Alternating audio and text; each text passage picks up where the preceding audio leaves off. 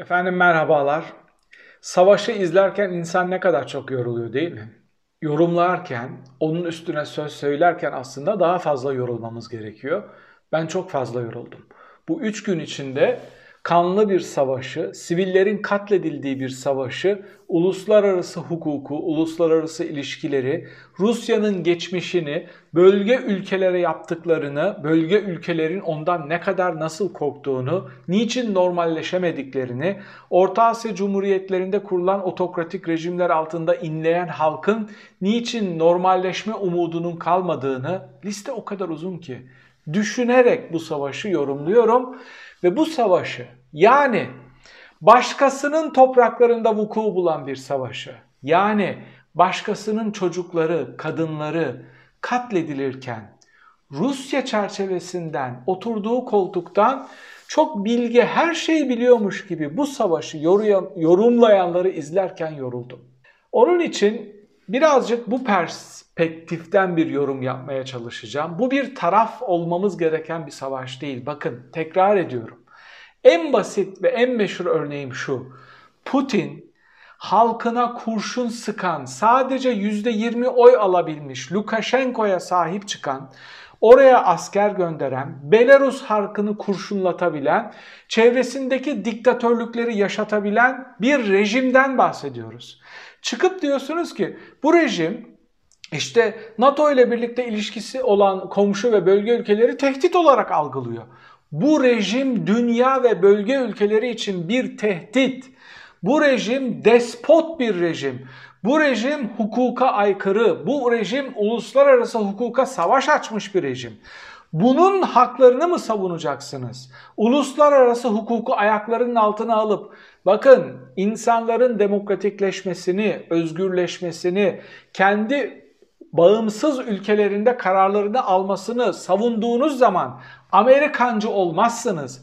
Amerika'nın emperyalist politikalarının canı cehenneme, NATO'nun geçmişte yaptığı tüm emperyalist savaşların canı cehenneme. Ama dünya değişiyor ve değişmekte olan dünyadaki bu küreselleşme ivmesi içinde ki demokrasilerin rollerini, oraya katılımların rollerini, birbirleriyle dayanışmalarının önemini okuyamazsanız, yar çıkın o zaman NATO'dan.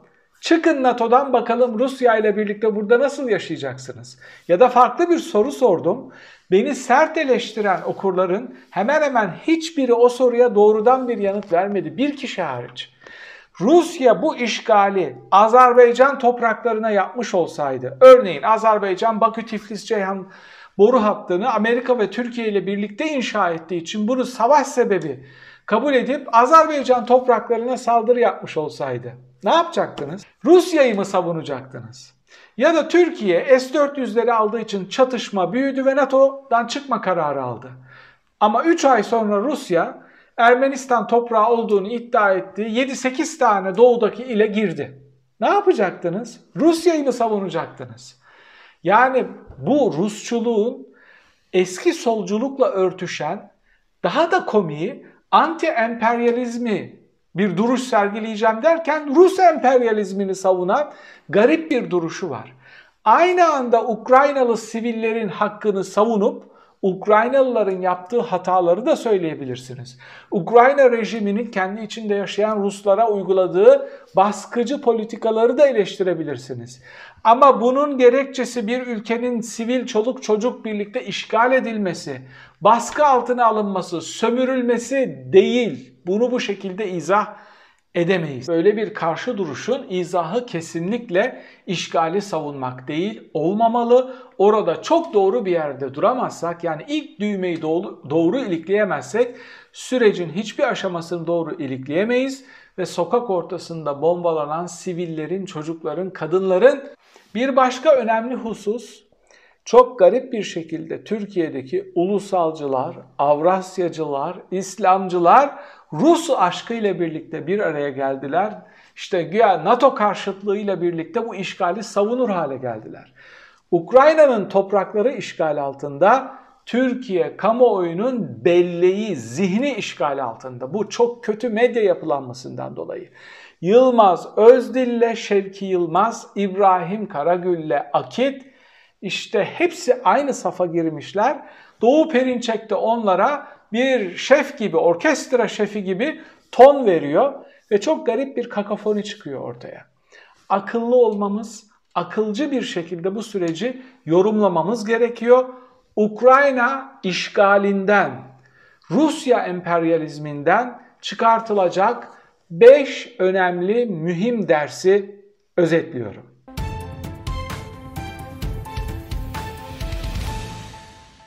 Ukrayna işgalinden çıkartmamız gereken bir numaralı ders şudur.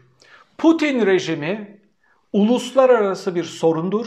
Putin rejimi uluslararası hukuka, iç hukuka, demokrasiye, çoğulcu, katılımcı, şeffaf bir rejime ve bu rejimlere geçmeye çalışan ülkelere savaş açmış potansiyel bir sorundur. Küresel sistemin içinde çatışma üreten antidemokratik bir rejimdir. Bunu bu şekilde kabul ederseniz bundan sonrasını çok daha kolay yorumlayabilirsiniz. Hesap vermeyen, içe kapalı, içerideki tüm muhalifleri yok eden, seçimleri askıya alan ve çevresindeki ülkelerin de bu şekilde, çevresindeki rejimlerin de bu şekilde yönetilmesini destekleyen, onlara omuz veren Putin rejimi sorunlu bir rejimdir. Uluslararası sistem içinde sürekli çatışma üreten bir rejimdir. Bu rejimi ıslah etmediğiniz sürece ya da bu rejimi kısmen durdurmadığınız sürece bölge ülkelerine de huzur getiremezsiniz. Rusya ve Putin küresel sistem içinde katkı sağlayabilecek ya da küresel sistemin tehdit olarak algılayamayacağı bir aktör değildir. Rusya'nın Putin'in açtığı bu savaşa Rus halkının sadece %12'si destek veriyor. %12'lik manyak gelişmiş batılı demokrasilerde de bulursunuz. Bugün Almanya'da AFD'nin oyları %14 ile 12 arasında. Yani Rus halkı aslında doğru bir yerde duruyor. Utanç verici olan şey şu, kendi ideolojik saplantıları ve uluslararası ilişkileri okuyamama yetileri, zayıflıkları yüzünden Türkiye'deki bu desteğin Rus halkından çok daha yüksek olduğunu söyleyebilirim. Bunu sadece bir şeyle izah edebiliriz. Cehaletle. Yani anti batı duruş, anti emperyalist duruş, işte anti Amerikancı duruş ki bu kritiklerin tamamına yakınına ya da büyük bir bölümüne ben de hak verebilir ve eleştirebilirim. Tüm bu duruşlar sizin dünya okumanızı belirleyemez. Yani evrensel değerlere savaş açamazsınız. Aktörlere açabilirsiniz. Bush yönetimi ve neokoncular sapıktı diyebilirsiniz. Irak'ı işgal ederek sivil çoluk çocuk demeden orayı kana buladılar diyebilirsiniz. Ama bu işte Amerika gerçeği budur diyemezsiniz. O günde Amerika'nın %60'ı o savaşa karşıydı. Bugün Amerikan halkı oralarla yüzleşiyor. Niçin böyle yaptık, niçin şuralara şöyle yapmıyoruz diye tekrar oradan ders çıkartmaya çalışıyor. Evrensel değerlere, demokrasiye vesaireye savaş açmayın. Aktörlere fokuslanın. Bizdeki körlük, uluslararası ilişkileri okurken içine düştüğümüz körlük ve biraz önce adını saydığım cahil ötesi kamuoyu önderlerinin yönlendirmeleriyle birlikte sivillerin katledildiği bir Ukrayna savaşına Rus halkından daha fazla destek verebilen bir kamuoyu üretebiliyoruz. Buradan çıkartılacak ilk, sonuç şudur. Putin küresel sistem için çatışmacı bir aktördür, bir tehdittir ve bundan dost olmaz. Erdoğan'ın en çok kurduğu cümlelerden biri şudur. Dostum Putin. Hani bir küresel güçle birlikte böyle konuşabiliyorum. Aynı göz hizasındayım. Ben de onun gibiyim. Rol modeli zaten o.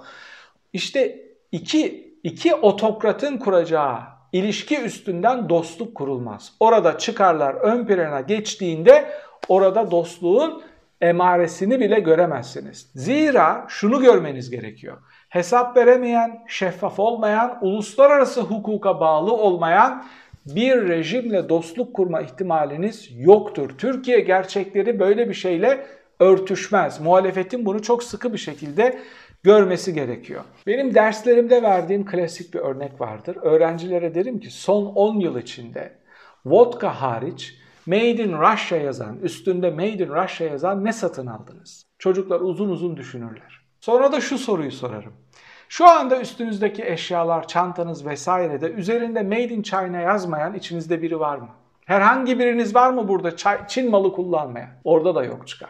İkisi de otokratik rejim ama siyasal ekonomik gerçekleri çok farklı. Buradan baktığımızda Rusya niçin bu kadar güçlü? Hepimiz şunu çok iyi biliyoruz. Enerji kartıyla çok güçlü ve NATO'nun silah satmadığı otokrat rejimlere silah sanayisiyle birlikte silah tedarik eden, savaşları körükleyen, daha fazla silah satmaya çalışan bir rejim olmakla ünlü. Şimdi bunu söylerken içinizden şu homurtu geliyor. Amerika aynısını yapmıyor mu? Evet, neokoncu lobi de aynısını yapıyor. Rahatlamanız için söylüyorum. Neokoncu lobinin savaş yanlısı olması ve kandan geçirmeye çalışan politik çıkarlarının olması, çok aşağılık planlarının olması Putin'i aklamaz ve bu durumu normalleştirmez. Ve bizi de Amerikancı yapmaz.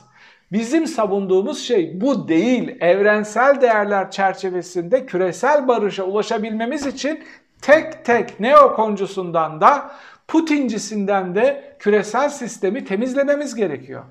Böyle bir aktörün yani parayı reel politikten değil de savaştan ve enerjiden kazanan bir aktörün yani reel ekonomiyle alakası olmayan bir aktörün reel barışla, demokrasiyle, huzurla, liberal özgürlüklerle tabii ki bir işi olmaz. Peki senin bununla ne işin var? Sen böyle bir ülke misin? Sen böyle bir ülke değilsin. Senin huzura ihtiyacın var. Senin barışa ihtiyacın var. Turizminin patlaması için, ucuz enerji satın alabilmen için, küresel refahtan pay alabilmen için hangi bağnaz kafayla, hangi körlükle böyle bir küresel sistemin pohpohlayıcısı olabiliyorsun? İkinci çıkartmamız gereken ders şu, Putin çerçevesinde söylüyorum sadece.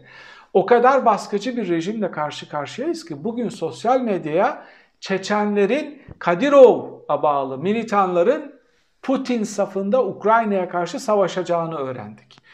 Orta Asya'da Sovyet eski Sovyet topraklarında Rusya Federasyonu içinde kalan oblastlarda ve bölgelerde muhtariyetlerde nasıl baskıcı bir sistem uygulandığını bundan daha kısa bir örnekle size anlatamazdım. Ukrayna'nın çıkartması gereken ders ne? Bizim Ukrayna fotoğrafından almamız gereken ikinci ders ne? İkinci derse geçiyorum. O da öncelikle şunu söylememiz gerekiyor. Zelenski denilen bir adam var. Bu adama komedyen diye dalga geçenler şarlatandır. Amerika'nın seni oradan tahliye edelim, hayatını kurtaralım, dışarıdan direktif ver, ordunu yönet gibi tüm önerilerini reddetti. Ölümü göze alarak elindeki kısıtlı imkanlarla birlikte ülkesini ve halkını, topraklarını savunmaya çalışıyor.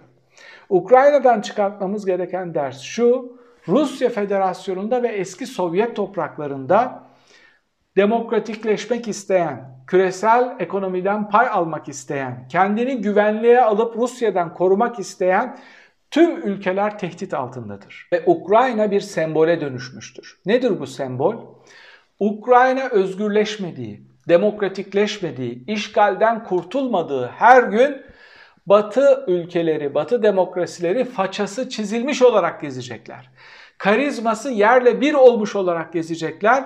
Bu ülke artık bir semboldür. Nasıl Prag devrimiyle birlikte Kızıl Ordu oraya girip orayı darmadağın edip onları Doğu blokuna katıp sembolleştilerse ve Sovyetler Birliği'nin dağılmasından sonra Doğuya genişleme sürecinde Avrupa Birliği tüm ezberlerini bozarak rövanşı alabilmek için o sembolü kazanabilmek için tek celsede 10 artı 2 12 ülkeyi birden tam üye yapma kararı aldıysa Ukrayna'da gelecekte alınacak bir rövanş olarak tarihe geçmiştir. Üçüncü ders şu, NATO buraya kadar böyle gelmiştir ama bundan sonra yoluna bu şekilde, bu kadar lakayt bir şekilde devam edemez. Birincisi, farklı ülkelerin iç işlerine karışmayacak, daha sempatik bir şekilde yeniden yapılandırılacak ama demokrasilerin, demokratik rejimlerin dünyada barınabilmesi için çok daha sıkı bir şekilde altyapısını gözden geçirip doktrinlerini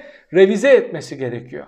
Ben Ukrayna Savaşı ve Ukrayna Savaşı öncesi ve sonrası olmak üzere iki farklı NATO göreceğimize inanıyorum. Soğuk Savaş'tan sonra nasıl yeniden yapılandıysa, Bükreş toplantısından sonra kendini nasıl revize ettiyse, Brüksel toplantısından sonra nasıl Çin'e odaklandığını söyleyip Rusya'yı gözden kaçırdıysa, Ukrayna Savaşı'ndan sonra Batı'nın Batı ülkelerinin Avrupa topluluğunun transatlantik partnerleriyle birlikte NATO'yu yeniden yapılandıracaklarını öngörüyorum. Sadece NATO değil, özellikle Avrupa Birliği ülkelerinin başta nükleer programları, nükleer enerji programları olmak üzere tüm alternatif enerji kartlarını masaya yatırıp Rusya'ya enerji açısından daha az bağımlı hale gelebilmek için ellerinden geleni yapacaklarını düşünüyorum. Zira enerji sorununu çözmeden, Rusya'ya olan bağımlılıklarını kademeli olarak azaltmadan enerjiye daha fazla para ödemeyi göze alıp her şeyi daha pahalı bir şekilde satın almayı göze alıp Rusya ile tek taraflı bağımlılığının ivmesini çok daha aşağıya düşürmeden bu saydıklarımı yapmalarının imkansız olduğunu hepimiz biliyoruz. Ukrayna istilasından çıkartmamız gereken dördüncü büyük ders, en acı ders şu, dünya otokratik bir rejime karşı fokuslandığı bir dönemde Türkiye bu çatışmaya, bu küresel soruna otokratik bir rejimle yakalandı. Fotoğrafı Putin'le birlikte basılan, Google'a otokratlar, küresel otokratlar diye yazdığınız zaman İngilizce, Almanca, Fransızca Putin'le birlikte fotoğrafı basılan Erdoğan yönetimiyle birlikte buraya yakalandı. Bu Türkiye'nin en yumuşak karnıdır. Türkiye NATO içinde eşit üyeler arasında bir eşit değildir. Bir NATO üyesidir ama kale alınan, işte masa üstünde ağırlığı hesap edilen ve acaba ne yapacağı merak edilen bir aktör değildir. Bu çok kötü bir şey. Daha önemlisi şu. Putin'in yani otokratların ivmesinin bu kadar artmış olması, Türkiye'deki demokratların daha önemlisi ise şu. Muhalefetin gözlerini dört açması gereken şey şu. Putin'in radara otokrat bir kimliğiyle yakalandığı ve Erdoğan'ın onun gölgesinde kaldığı bir dönemde buradan çıkartması gereken muhalefetin en önemli şey şudur. Biz nasıl olur da Türkiye'yi tekrar demokrat bir ülke kimliğine kavuşturabiliriz ve iktidara gelmeden nasıl daha üst perdeden çok daha net bir şekilde demokrasi, uluslararası hukuk ve küresel evrensel veriler üstünden, değerler üstünden mesajlar veririz üstüne kafa patlatmaları gerekiyor. Zira Erdoğan rejimi sonrası iktidara herhangi birinin gelmesi Batı'nın Türkiye bakışını değiştirmeyecektir. Çok daha demokrat, çok daha özgürlükçü, çok daha bireysel özgürlükleri savunan, evrensel barışı savunan bir aktörün oraya gelmiş olması Türkiye'nin değerini çok fazla artıracaktır. Türkiye hem güvenlik politikalarında, hem ekonomisinde, hem turizminde, hem imajında bir olumlu bir patlama yaşayacaksa ben bu bölgede Rusya tehdidine karşı, terörizm tehdidine karşı, otokratik rejimlere karşı tekrar bir rol model olabilecek demokrasi inşa edeceğim diyebilirse bu rolü oynayabilecektir. Avrupa Konseyi'nde Rusya'nın üyeliğini sonlandırırken 47 ülkenin 42'si net bir şekilde oyunu kullandı. Rusya, Ermenistan hayır oyu verdi. Azerbaycan oylamaya katılmadı. Türkiye çekimser oy verdi. Hangi Türkiye? Erdoğan yönetimindeki Türkiye. Hangi Erdoğan? Batı sadece nasihat çekiyor, Ukrayna için hiçbir şey yapmıyor diyen Erdoğan. Bu nasıl bir kimlik? Bu nasıl bir ikircikli durum, ikircikli tavır? Bir taraftan Batı'nın hiçbir şey yapmadığının altını çizeceksin ki bu eleştirilebilir ve söylenebilir. Diğer tarafta Avrupa Konseyi'nde çekimser oy kullanacaksın. Burada sormamız gereken iki soru var. Bir, Erdoğan ne yapmak istiyor? Batı'yı NATO üstünden kışkırtıp gerçekten savaşa sokup küresel bir savaş çıksın ve biz de bunu kullanalımın hesabını mı yapıyor? Yoksa daha önce çok sert tepki vermiştim hatırlayanlarınız olacaktır. Türkiye'den bu kadar sert tepki beklemiyordum diye. Yoksa ikinci merak ettiğim soru şu. Siz Moskova'dan izin alıp mı o sert tepkiyi verdiniz? O sert tepki neydi? Bu çekimser oy ney? Son yorumlayacağım konuyu çok kısa geçmeye çalışacağım. Bu tam bağımsız Türkiye söylemi var ya, bu özünde çok epik bir söylem. Evet, kulaklara çok hoş geliyor. Her ülke bağımsız olmak ister. Tam bağımsız Türkiye diye bağıranlar Ukrayna'nın savaşına en Ukrayna'nın işgaline en yüksek dozda alkış tutanlar. Küresel tepkilere bakıyorum. Dünyanın dört bir yanında. Gürcistan'ından tutun Avrupa'nın dört bir yanına, Kazakistan'ından tutun bazı Latin Amerika ülkelerine kadar her yerde insanlar toplanmış Ukrayna'ya destek yürüyüşleri yapıyor. Türkiye'de sadece bir düzine Ukraynalı küçük sokak gösterileri yaptılar. Dünyada Ukrayna için sokağa çıkmayan ve mesaj vermeyen nadir ülkelerden bir tanesi olmak Türkiye kamuoyuna yakışmıyor. Bu başlangıçta söylediğim uluslararası ilişkileri okuyamayan körlükle de alakalı bir şey. Komşunuz olan, ileride yüz yüze bakacağınız olan, bence artık sembol olan bir ülkenin sivillerinin katledilmesine ses çıkartmamak Türkiye kamuoyuna yakışmıyor. Sivilleri katledilen, yüz yüze bakacağınız, yıllarca aynı bölgeyi, aynı denizi paylaşacağınız bir ülkenin göz göre göre çoluk çocuğunun sokaklarda katledilmesine sokakta tepki vermeyişimiz hiç Türkiye kamuoyuna hiç yakışmıyor. Sorum şu. Türkiye'nin Ukrayna çatışmasında, işgalinde durması gereken yeri siz nasıl görüyorsunuz? Vermesi gereken tepkiyi nasıl özetlerdiniz? Yorum köşesinde bunları tartışabiliriz. Bir sonraki videoda tekrar birlikte olmak üzere efendim. Hoşçakalın.